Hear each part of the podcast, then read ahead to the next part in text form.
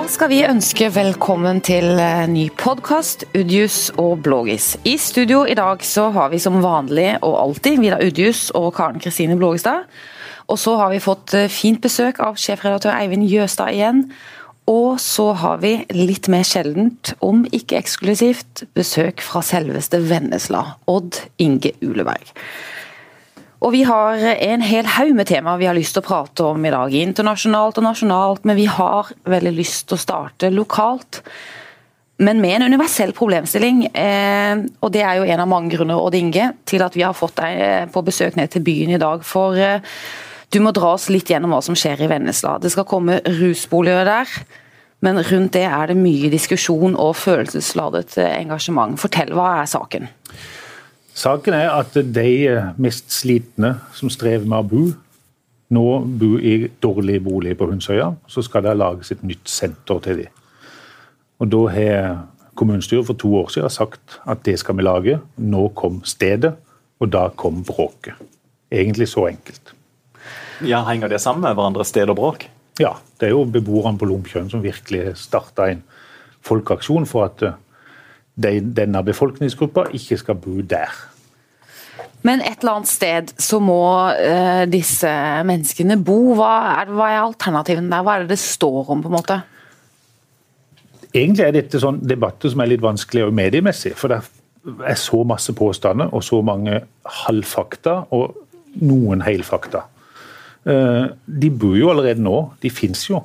Det er jo ikke noen nye mennesker som kommer til bygda. Nei, De bor i Vennesla også? De bor i Vennesla. Mm. Noen av de bor på Hundsøya i et sånn bemanna fellesskap, og noen andre bor kanskje hjemme eller i kommunale boliger. Men, men, nå bor de spredt, og så skal de samles? Ja, de bor delvis samla og delvis spredt. Og så skal de samles. Men hva er bråket da, Inge? Det er, jo, det er jo ganske lett å forstå at hvis du bor eh, i en enebolig i et fredelig byggefelt på landet, så syns du det er ganske skummelt å få 24 eh, slike naboer eh, tett på. Er ikke det lett å forstå?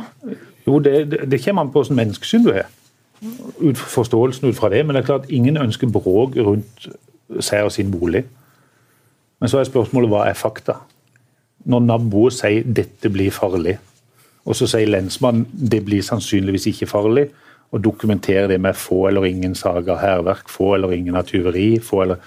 Og så sier noen ja, lensmannen har ikke peiling. Eh, det er jo der debatten gjenger. Da er det litt vanskelig å være journalist. for det, Ofte så vekter jo vi tingene nokså likt. For alle har jo rett til å komme til orde her. Og Det er vel da politikerne kanskje må på banen nå. men det har vært gjort en ganske dårlig sånn pedagogisk jobb i Vennesla. Det, vel, det har vel de, også de tatt kritikk på? at de har ikke liksom... Det tror jeg er veldig viktig. Det er ikke sikkert at beboerne egentlig er så negative som det høres ut, eller at de er så motstandere. Det er jo veldig stor mangel på informasjon. Politikerne har nok tatt en sånn De har tenkt de vil ikke oppleve det som var i Kristiansand. Så de ber en stiftelse komme med en byggesak, egentlig. Og da tror de at det blir så greit. Du, Et samfunn det måles på hvordan man tar vare på sine svakeste. og Eivind, hva tenker du? Sier dette noe om Vennesla? Nei, det tror jeg ikke det gjør. Dette tror jeg er veldig allment. Eh, eh, det er en klassisk, eh, klassisk problemstilling. Du, de fleste av oss vil lett kunne si at vi er for rusboliger, for psykiatriboliger, for moskeer for den saks skyld. Men hvis du plutselig oppdager oi, det skal den skal komme rett ved siden av huset mitt, så treffer det en annen dimensjon. Den er lett å forstå. Jeg syns uh, Lars Dalen var det vel, så sier det i vår avis i dag at uh, dette er egentlig en test på nestekjærlighet. Rekker den helt inn i nabolaget, eller gjør den ikke? Det er godt sagt. Ja, det er ganske For du, godt du får uh, dilemmaet. Jeg tror den treffer folk på rett på, på en sånn ubehagelig måte fordi du blir testa på det. ikke sant? Eh, og folk har lov til å uttrykke en bekymring eh, for eh, å få den type boliger i nabolaget. Så ønsker man selvfølgelig å være raus, og man tenker at vi må se hvordan det går. Det er en dimensjon til som er også veldig vanskelig å sette ord på for folk, men som jeg tror mange kjenner på, som går rett og slett på, litt på lommeboka. Man er redd for verdien på huset sitt skal gå ned. Eh, fordi man, man, kan tro at eh, det ikke blir så attraktivt hvis vi vil selge det huset en gang. Alle disse tingene må man ta hensyn til. Derfor er det en lokaliseringssak for politikere. Uh, og jeg tror uh, Politikere i Vennesla har prøvd å gjøre jobben så godt de kan, men når de da nå må innrømme at de har vært for dårlige på informasjon, det er nesten ubegripelig å skjønne. Altså Du skal ikke ha vært politiker mer enn tre kvarter for å tenke at det her eh, blir det debatter. Ja. Så må vi i hvert fall klare den infobiten, tenker jeg. Ja. Og I, i den sammenheng så syns jeg at eh, ordfører Toril Bransdal, som er ei klok og flink dame, jeg savner hos sin stemme i denne eh, debatten. og Hun har eh, alltid opp igjennom eh, gjort seg til talsperson for de som eh, sliter i samfunnet. Eh, samtidig så kjenner hun jo åpenbart innbyggerne og lokalsamfunnene i Vennesla, så jeg hadde egentlig eh, savna henne på, på bane nå her. Du har jo advart litt mot en sånn stygg debatt rundt dette. og Vi har jo hatt det til dels eh, i Kristiansand, og det har vært eh, snakk om overgangsbolig og sånn her. Eh, definer det, hva er en stygg debatt? Nei, En stygg debatt er en debatt hvor en ikke respekterer medmennesker som sliter og som har behov for, for hjelp. Og jeg synes også, som, som både Eivind og Inge sier, at det er legitimt å ha ulike oppfatninger av dette her. Og jeg kjenner meg jo godt igjen i forhold til frykten eller skepsisen en kunne kjent hvis dette hadde kommet i eget nabolag. Og, det, og det er jo, det er jo, det er jo, dette her er jo nesten et eget fag i statsvitenskapen. Det kalles fangens dilemma. Alle ser behov for en eller annen institusjon, men bare ikke i egen kommune eller i eget eh, nabolag. Og jeg kjenner meg jo veldig igjen i det, for jeg er jo, liker jo godt å være sånn politisk korrekt korrekt og raus og alt det der, men jeg har narkomane i mitt nabolag. Jeg syns det er ubehagelig, jeg er redd, mine barn er redde. Og det er jo ikke nødvendigvis slemt, Odd Inge. Det er jo bare litt sånn frykt. Altså det er redsel. Det må vi jo på en måte ja, ja. skule til. Noen er nok slemme, og noen er fulle av fordommer, og noen er bare redde. Det, altså, det tror jeg varierer veldig. Eh, men det er da jeg tenker det er viktig at vi holder en litt sånn saklig debatt. Mm. Altså, De, burde, de er der jo nå. Mm. Når vi var unge, du er jo yngre enn oss, kanskje. Så gikk det sånn fylliker rundt eh, på gata. Vi kjente de. Altså, Det er sannsynligvis nesten færre av de ute nå enn men de, men de bor jo rundt. for Det er jo ikke sånn at de ikke er der nå. Men det er jo der denne informasjonsbiten blir så viktig. da, for dette dette er jo ikke den første rusboligen i Norge. Vi har de over hele landet. Man må uh, gjøre jobben på å dokumentere hvordan har det gått andre steder, hvilke erfaringer har vi. Uh, Uh, og Med denne type bolig vi snakker her, så er det sannsynligvis veldig liten grunn til å være bekymra.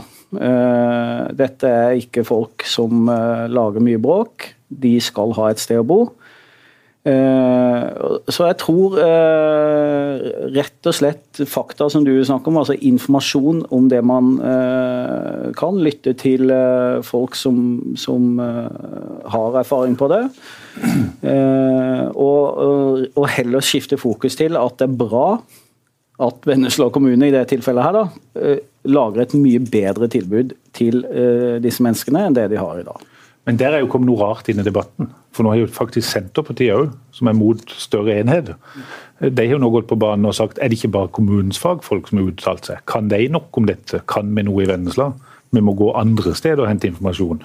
Eh, nærmest desavouere sin egen fagavdeling. Jeg vet ikke om de har vært og hørt med de heller, men, men, men, det er jo en sånn rar greie. Og Det er jo ikke mange uker siden Senterpartiet sto øverst på barrikadene for å si at uh, kommunens eh, fagavdelinger absolutt var sterke nok til at de kunne stå alene og ikke trengte å slå seg sammen med andre kommuner. Så det er jo et paradoks. Du Odd Inge, du som jobber tett på folk og politikere i Vennesla. Hva tenker du, eller har du noen tanker om hva som er Bransdals strategi i dette, i denne saken? Jeg tror hun tror at hvis hun roer ned og informasjonen siger ut, så vil protest, protestene bli mindre. Og så skal hun besvare en interpellasjon fra Frp neste torsdag i kommunestyret. Og der tror jeg slaget vil stå. Og jeg tror, og så har de har det blitt sprekk i Arbeiderpartiet og KrF, som styrer bygda. Men alt tyder på at de kommer til å stå fast og sier at der skal 16 boliger. Nå diskuterer vi hvordan.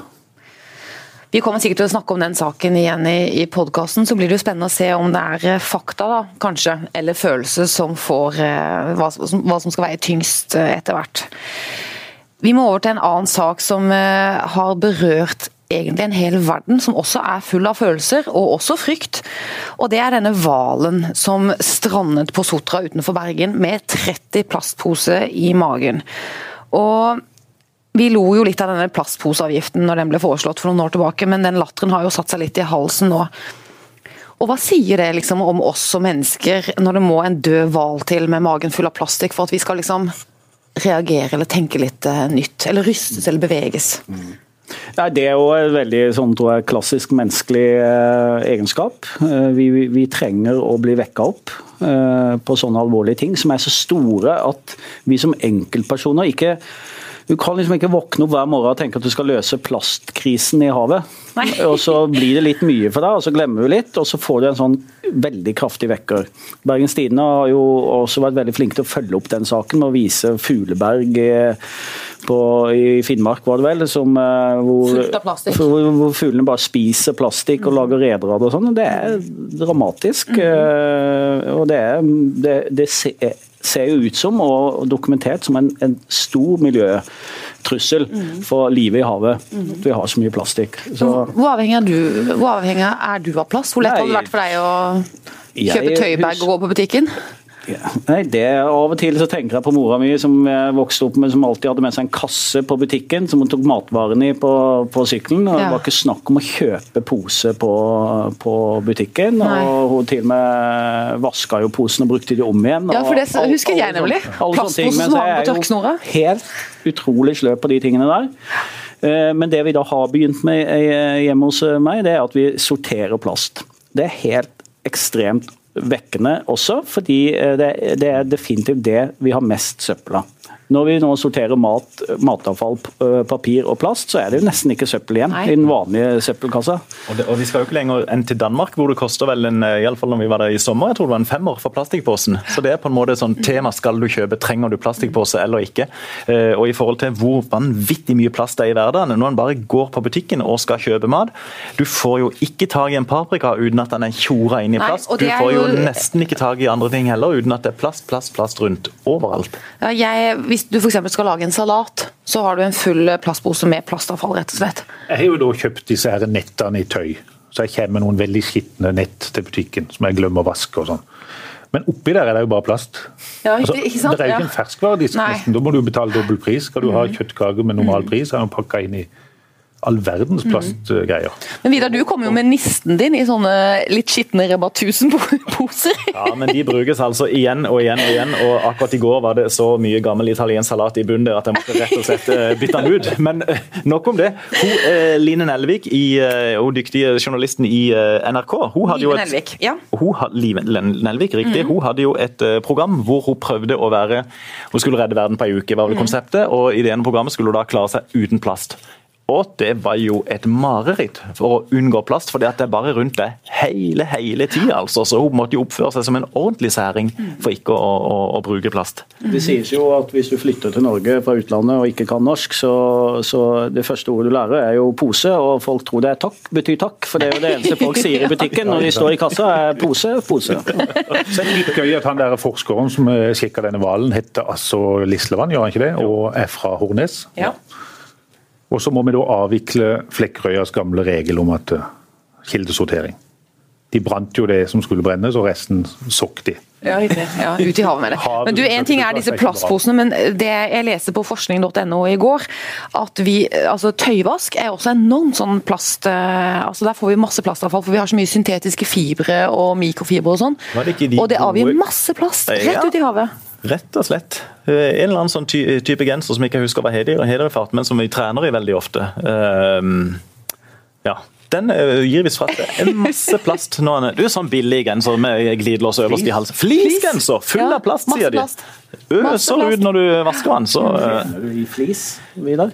Gjør det? Ikke om sommeren, vel? Absolutt. Ja. Men hva gjør vi med dette? Altså, det er jo, nå snakker vi om det. Eh, hvordan på en måte, vi får eh, gjort noe med problemet? Det er jo det store spørsmålet. Ja, det er det store spørsmålet. Tror du, Vil du vedde penger på at Det hjelper jo ikke at jeg kommer med et tøynett til butikken hvis alt er putt oppi er emballert i plast. Men litt sånn forbrukeropprør mot plastemballasje? Det kan vi gjøre, men dette må jo styres. Dette er jo egentlig en overnasjonal greie. Ja, men Hvis forbrukeren nekter å kjøpe plastikk, ja, så selger ikke butikkene plastikk? Det er rett og slett på tide at myndighetene griper inn. Ja, det er rett og slett det. ja, En opprørende historie var det i hvert fall med denne hvalen, og en forferdelig brutal og trist vekker. Eh, en vekker til hele verden har jo det også vært at Trump ble president for ikke så lenge siden. og Det har vi snakket om hver eneste uke i den podkasten, og det skal vi gjøre også i denne ukens podkast. Vi har sånn Ukas Trump, og det vi har funnet ut vi skal vinkle litt på i denne podkasten, er jo dette med at eh, han og hans kontor mener at media ikke rapporterer terror. og Eivind, dra oss litt gjennom eh, saken der. Ja, sikkert de fleste har jo fått med seg dette, men, uh, men det var jo liksom nok en sånn jøss, hvor kom det fra? Opplevelse med Trump, hvor han da plutselig fikk, fant for godt at han skulle si at mediene ikke dekker terror og bevisst uh, unnlater å, å, rapportere om det. Uh, som jo det nok en gang er feil. Sånn at uh, Nå har jo amerikanske medier måttet bruke mye tid på å si hallo, sånn er det ikke. Vi har vært der uh, med livet som innsats og rapportert fra veldig mange av disse hendelsene. Og mange av de hendelsene er jo ikke terror heller, som han har påstått. Så, så det er nok en sånn uh, vet ikke, fra Trumps krig mot mediene-utspill. Så man kan jo lure på hvorfor han gjør det, og, og hva som er agendaen.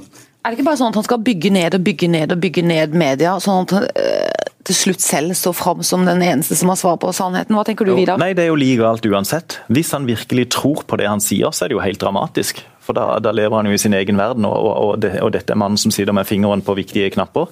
Eh, hvis han ikke tror på det han sier, så er det jo like fullt alvorlig, for da gjør han det jo bevisst for å, å rive ned eh, og undergrave media. Og i et demokrati så er det medias rolle å kikke makta i, i, i kortene og fortelle folk hva som faktisk skjer.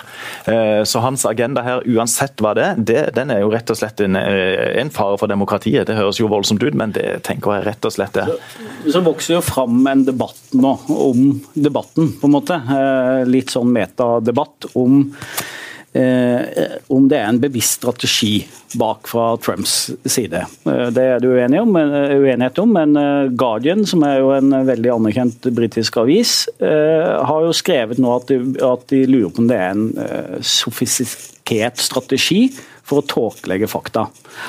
Og så synes jeg fikk eh, en, eh, et interessant eh, perspektiv på det fra en som heter Kjell Terje Ringdal, som er en sånn retorikkekspert og PR-mann og kan mye om USA. Arrangerer dette Washington-seminaret bl.a., som, som er kjent i Norge.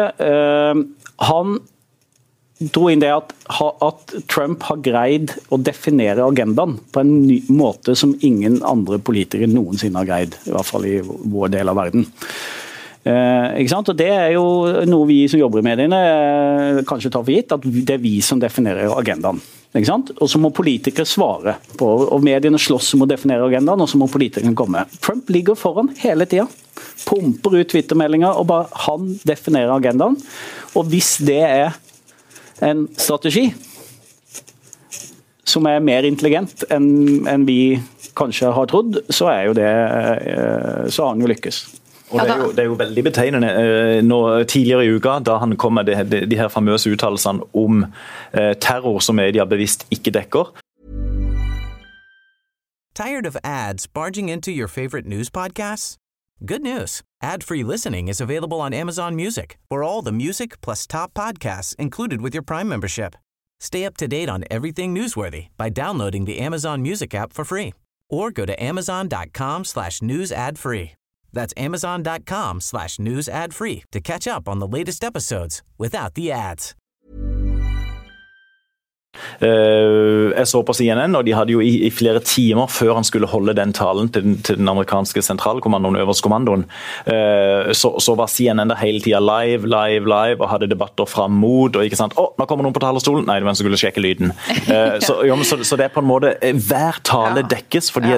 Og det er akkurat som i valgkampen. Media må være der, for du vet aldri hva som mm. kommer.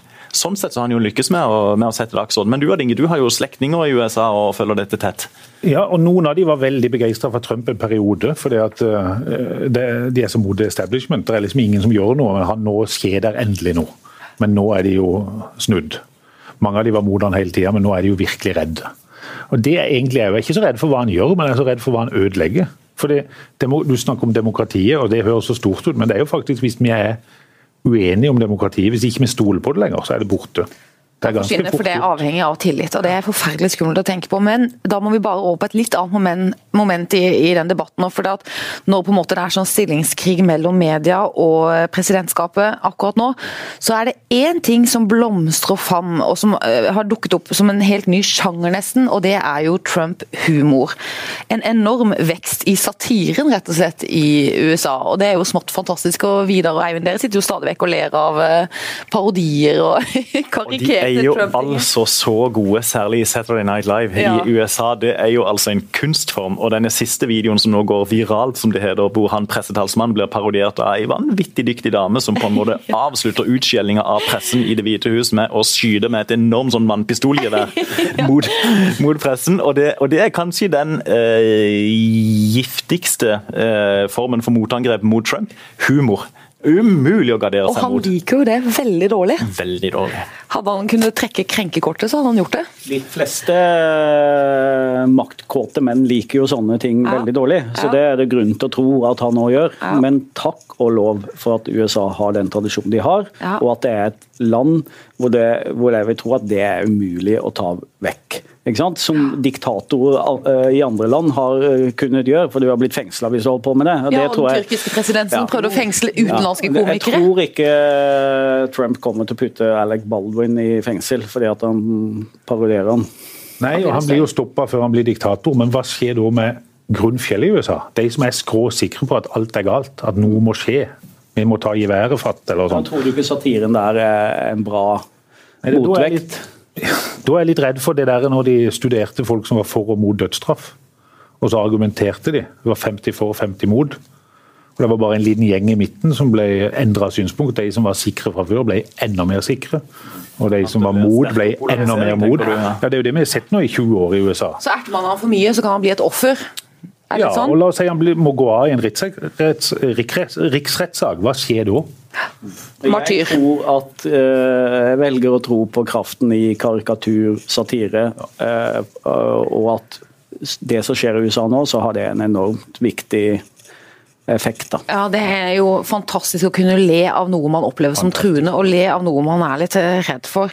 Men vi må snakke litt mer om Trump, for det er en annen ting denne uken som har vært interessant. Og det er jo at eh, ordstyreren i det britiske underhuset ikke ønsker at Trump skal få lov til å tale der. Og Vidar Udius, det syns du var helt riktig? Det syns jeg var aldeles riktig. Og jeg tenker at vårt interessefellesskap med USA har alltid opp igjennom vært basert på felles interesser, på felles verdier, på felles politikk, felles grunnholdninger. Og når det rokkes ved de i USA, så må vi òg tenke våre konsekvenser på denne siden av Atlanteren. Og når øh, han spikeren i Underhuset i Storbritannia sier at en mann som står for sånne verdier, han har faktisk ingenting å gjøre på en så stor talerstol som i det felles britiske parlamentet, så nei takk, her er du ikke velkommen. Eh, Det syns jeg er midt i blinken. Men er det ikke du er uenig i dette, Ja, jeg syns jo det er veldig skummelt nær sensur, og jeg tenker at det også er skummelt. Og det er litt tilbake til det Odd Inge snakker om, at da kan Trump bli litt sånn offer. At han blir ikke men- tatt imot men- av establishmentet men- nettopp. men- og fins det men- noe mer establishment enn Nå, underhuset i nå tar du på meg, Karen. Det er er, hersketeknikk, det er er hersketeknikk, ja. Nå ble det mer smeging. Det. Jeg Du, jeg, jeg, syns rett og slett at den talerstolen er en enorm politisk uh, arena. Og Enten så gir du en mann den arenaen, eller så sier du nei, ellers takk, du er ikke kvalifisert til å stå på den talerstolen. Her har andre mennesker, som Aung San Suu Kyi stått, som eh, Nelson Mandela. Donald Trump kommer ikke på den talerstolen. Men tenk deg den fantastiske forestillingen, da.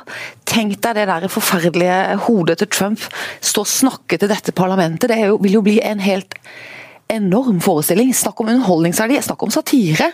Han kan jo bli avkledd, han kan jo ende opp kliss naken. Det kan jo være et fantastisk politisk Han kommer til å stå med sine korte uh, setninger og enstavelsesord og si at enten er det great eller så er det complete disaster. Kommer til å holde taler som han har gjort i, i USA. Ikke, ikke gi han den talerstolen, Men rett og slett. politiske politikerne er jo ikke kjent for å klappe høflig når folk sier noe de syns er litt teit. Nei, det kan du si, men jeg tenker dette her er rett og slett en, en arena som, som han ikke bør inviteres til. Men er det ikke politisk sensur? Overhodet ikke.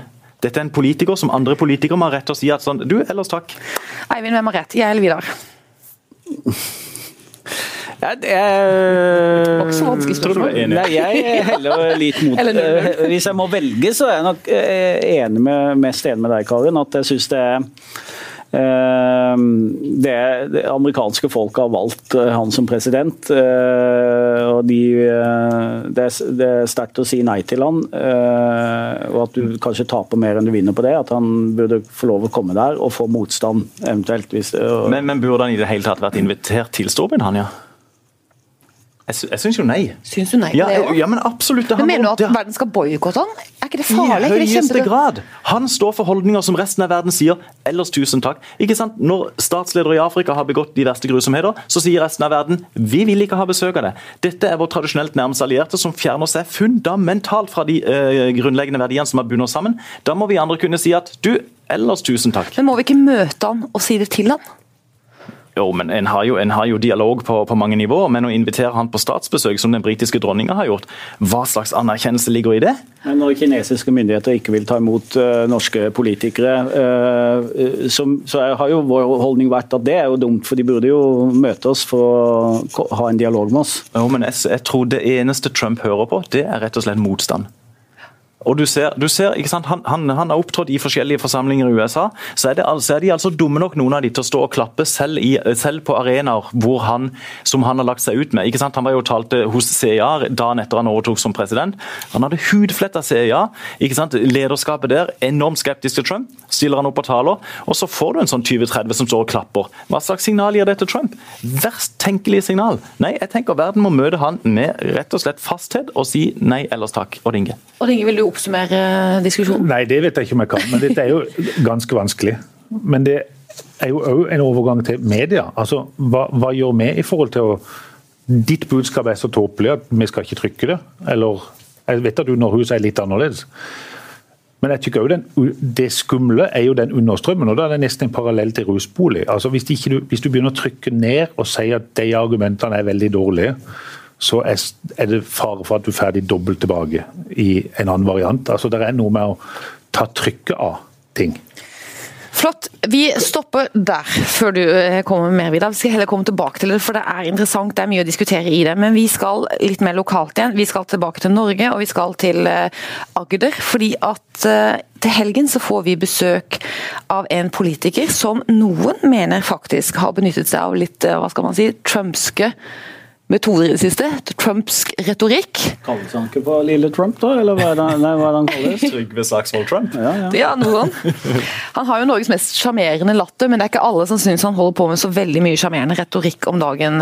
Men Senterpartiet fosser fram på eh, meningsmålingene og kommer på besøk til hvor da egentlig i helgen, Vidar? Han kommer på besøk til selveste Kristiansand, hvor han skal vitje eh, fylkesårsmøtet til Øst- og Vest-Agder Senterparti. Og Trygve Slagsvold Vedum er jo en usedvanlig gild eh, mann og, eh, og en eh, flink politiker, men som også er et eksempel på det helt litt uforklarlig iallfall. At du kan, du kan, holde på med et politisk budskap og gjenta det. og Senterpartiet har jo kjempa, kjempa for desentralisering og mot konsentrasjon av makt og dill og dall i alle, alle år, og ligget på 5-6 Og så plutselig treffer du noe i folket. Plutselig kommer folk på stand bort til deg og sier sånn Ja, kjempebra! Og du løftes opp. Jo, men, og du, du, bare liksom, du føler det nesten fysisk noen ganger når du er i et sånt parti, og så, å, så kommer den medgangsbølga. Det er jo en enorm følelse. Men samtidig så kan han òg gi seg på et eller annet tidspunkt som du ikke er forberedt på, og så forsvinner velgerne igjen. Altså, til dere som ikke kan se Vidar Udjus nå, så kan jeg fortelle at han snakker enormt pasjonert om dette. og Det kommer nok litt av at han er en eks-senterpartist. Skulle du ønske at denne medgangsbølgen var når du var du, Er det Senterpartiets ungdom? Jeg var med i, i Senterungdommen, som, som, det heter, uh, under forrige medgangsbølge, under EU-kampen ja, i sin tid. Og det var jo ikke måte på uh, hvor mange velgere som kom. Og de kom jo bekymringsfullt nok fra ytre høyre og ytre venstre, og alle på en måte hadde plutselig verdifellesskap i Senterpartiet. Men igjen, når den bølga ga seg, så var det jo bare vekk som eh, vinden, som det kanskje ikke heter. Vi snakket om Agderbenken her eh, i en tidligere podkast, eh, og det som er jo fascinerende nå, er jo hvis denne eh, Senterpartibølgen vedvarer inn mot valget, så er det jo plutselig noen eh, nye kandidater som kan stjele et mandat eh, fra Sørlandet. Og det er interessant. Veldig. Og det er jo, ja, og det er jo interessante kandidater òg, som, som, topper listene i Øst- og, Øst og Vest-Agder. Og det er jo rett i nærheten av din hjemkommune, Dinge, de kommer fra alle sammen. Ja, ja. Det er tidligere ordfører i Vland, begge to. Eller den ene er jo nå. Ja. Nei, ikke, hun er jo ikke valgt ennå til Stortinget. Men det kan jo si navnet på det, tenker jeg. Litt Ja. sånn etter hvert. Anita Mykjåland og Ole Magne Omdal. Ja, takk. De, de kan jo Det er gode politikere, det, Odd Inge. Veldig trivelige politikere iallfall, og gode òg til dels. Og det er jo spesielt med Ole Magne som skal jobbe med desentralisering, og så er han flytta til Kristiansand. Ja, det tar han. Men tror du virkelig at de har en sjanse på Sørlandet, eh, Vidar, til å, å omrokere Agderbenken? Ja, som Eivind sier, så har de mulighet til, til utjevningsmandater. Eh, Utjevningsmandatene er jo en ukjent størrelse, men det er jo stort sett de partiene som har mange stemmer til overs når de faste mandatene er fordelt rundt forbi, de får jo utjevningsmandater rundt forbi. Og plutselig kan det slå inn et Senterparti-mandat i, i Agder.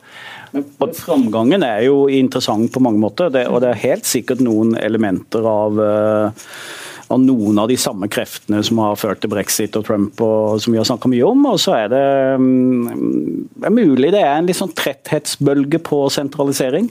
Det er store reformer som de reagerer på. Ja. Det må jeg nesten få. Toril Bransdal sa noe om trygge lokalsamfunn under valgkampen i USA. Og i forbindelse med kommunesammenslåing så sa hun alt dette handler om trygge lokalsamfunn. Folk vil ha det trygt og greit der de bor. Det er det mye i, men det er ganske enkel forklaring òg. Men det er klart, hvis du er i Kristiansand, eks-senterpartist når du fjerner deg fra fortida, så går du jo helt andre veien. Han er kjempe for kommunesammenslåing. Han peker på meg nå. Jeg peker på Udjus. Eh, Du skal ikke langt nord for Kristiansand før det høres helt meningsløst ut, med større enhet, Vi har det greit som vi har det. Så Senterpartiets framgang har vel veldig òg med å gjøre at Arbeiderpartiet, særlig Høyre, ikke har greid å forklare at samfunnet må endres. Nei, det er interessant. Vi, Og og det, spiller jo inn i, for, øh, det spiller jo inn i den store valgkampen som sånn sett allerede er i gang, og som kommer for fullt til høsten, hvor jeg vil tro at regjeringas øh, kanskje beste kort vil bli at vi må forandre for å bevare. Verden rundt oss endres i rekordfart. Vi må også gjennomføre endringer i det norske samfunnet. Uh, og så sier Senterpartiet stort sett ja, satt litt på spissen, men ikke mye. Men de sier nei til alle forandringer. Iallfall uh, omorganiseringer i statlig og offentlig sektor osv. og vil jo ha reversering. De er jo proteksjonister og ja, osv. Men vi er Det altså er jo flaks, de treffer jo, Akkurat nå treffer de jo på alt. for Ja. at, eh, Jeg hørte jo noen som var intervjua på sentrale Østlandet om Senterpartiets framgang, om det handla om kommunesammenslåing. og Da bare lo de jo. Det er, der er det bare ulv Ja, som, som gjør at eh, mange nå De spiser jo velgere fra alle partier. De har jo tatt en god jafs de siste dagene fra Fremskrittspartiet, og det forundret jo meg, men eh, overalt har de velgere. I. Hagen har jo hatt nese for mye opp igjennom. Han sa for flere måneder siden at Senterpartiet kommer til å bli FrPs verste konkurrent i valgkampen. Ja. Og det er mye tyder på at han får rett Men få i det lov- også. Vi må få lov å le litt på skauen når folk i byen er så opptatt av ulv, men det er jo ingen i byen som er opptatt av reinsdyr når de skal på ski. Nei, riktig. Vi vil ha løype på ovnen, ja. Ja, ja, ja. ja. Se den, eh, Odd Inge. Vi får invitere deg ned igjen. Vi må så vidt innom eh, Grand Prix, for at jeg er så oppøst over det. Det skal vi ta helt på tampen, for podkasten har vart litt nå. Du er også en av de relativt få som klarer å bli oppøst over Melodi Grand Prix-karen. Fordi at jeg bruker skattepenger på å opprettholde et forferdelig, eh, forferdelig musikkshow. Med musikk som ikke hører noen steder hjemme. Kun i enkeltland i Øst-Europa. Og så har han Tor Gjermund Eriksen, som er kringkastingssjef i NRK, sagt at et uttalt mål for NRK at de skal vinne Grand Prix. Han har hanket inn han derre eh, Åh, navn! Karlsen. Ja, Carlsen, takk. Som er eh, musikkansvarlig, og så arrangerer de en konkurranse. Og så er det f.eks. musikere som Kristian Valen og Rune Rudberg. De får nå sin endte sjanse til å bli store stjerner. Og det bruker vi lisenskroner på. Og så skal han og Argumentet hans for å, å tvinge gjennom dette Grand Prix-showet er at han skal fremme norsk musikk, norske komponister. Men den musikken har jo ingenting med norsk musikk å gjøre. De har jo til og med, så skal de etter inspirasjon fra Sverige få en internasjonal jury til å høre på de norske låtene, sånn at de kan tilpasse det litt til hva smaken kommer til å være i f.eks. Øst-Europa og sånn.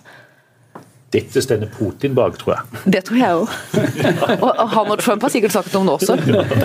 Er det ingen andre som blir opprørt? Ikke i det hele tatt.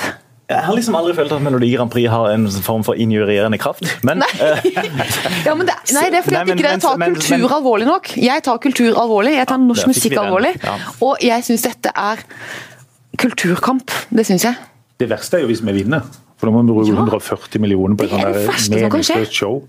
Skal vi få he hele landet bli stappfullt av sånn jallamusikk som er å snakke om å Jeg er tilbøyelig til å være enig, og jeg må, men jeg syns det er latterlig at ikke det er et krav fra uh, Eurovision Song Contest, eller hva det heter de som arrangerer det. Det burde absolutt vært et krav at alle skal synge på sitt eget morsmål. Ja. tenker jeg. Nå, ja, men Senterpartiet. Der kom han fram igjen! Og vips, der kom han igjen! Trygghet i skole, hjem og samfunn. Ja. Du, eh, nei, men det, det, det syns jeg. Og det er jo aldeles latterlig når alle står og, og synger mer eller mindre radbrukke engelsk eh, på scenen. og Det fører jo også til en sånn tilnærming mellom alle, alle musikkformer. Nei, rett og slett syng på sitt, eh, sitt eget morsmål burde vært et krav. Men ellers, ellers er jeg sånn sett enig. Men samtidig eh, med det, Karen, men samtidig, det er jo mye gøy og moro og show med Melodi Grand Prix. Er det? Jeg har sett på eh, Opp igjennom har jeg sett på mye. Jeg har sett på mange til sammen. Men, men, men de er jo, og nå er det jo semifinaler og greier, og kvartfinaler nærmest. Det er jo ikke til å holde ut alle de kveldene det nå tar. Nei, det og varer og varer. og varer, og varer. Noe enormt. Og det koster penger, det koster penger. Har ikke dette fortsatt brei interesse, da, Karin? Nei, det er også smal interesse. Jeg vet, nå, ja. Og eh, det er jo eh, ja, Det interesserer jo meg absolutt midt i ryggen, jeg har, men, men jeg vet jo at hvis vi hadde hatt en lokal artist med i finalen der, så hadde Feven dekka det det, og ja. det var gøy. Og det hadde sannsynligvis engasjert uh, våre lesere. Og Ja, vi men- hadde heia på den kandidaten, og vi hadde syntes det hadde vært helt fantastisk hvis uh, en eller annen lokalartist hadde gått helt til topps.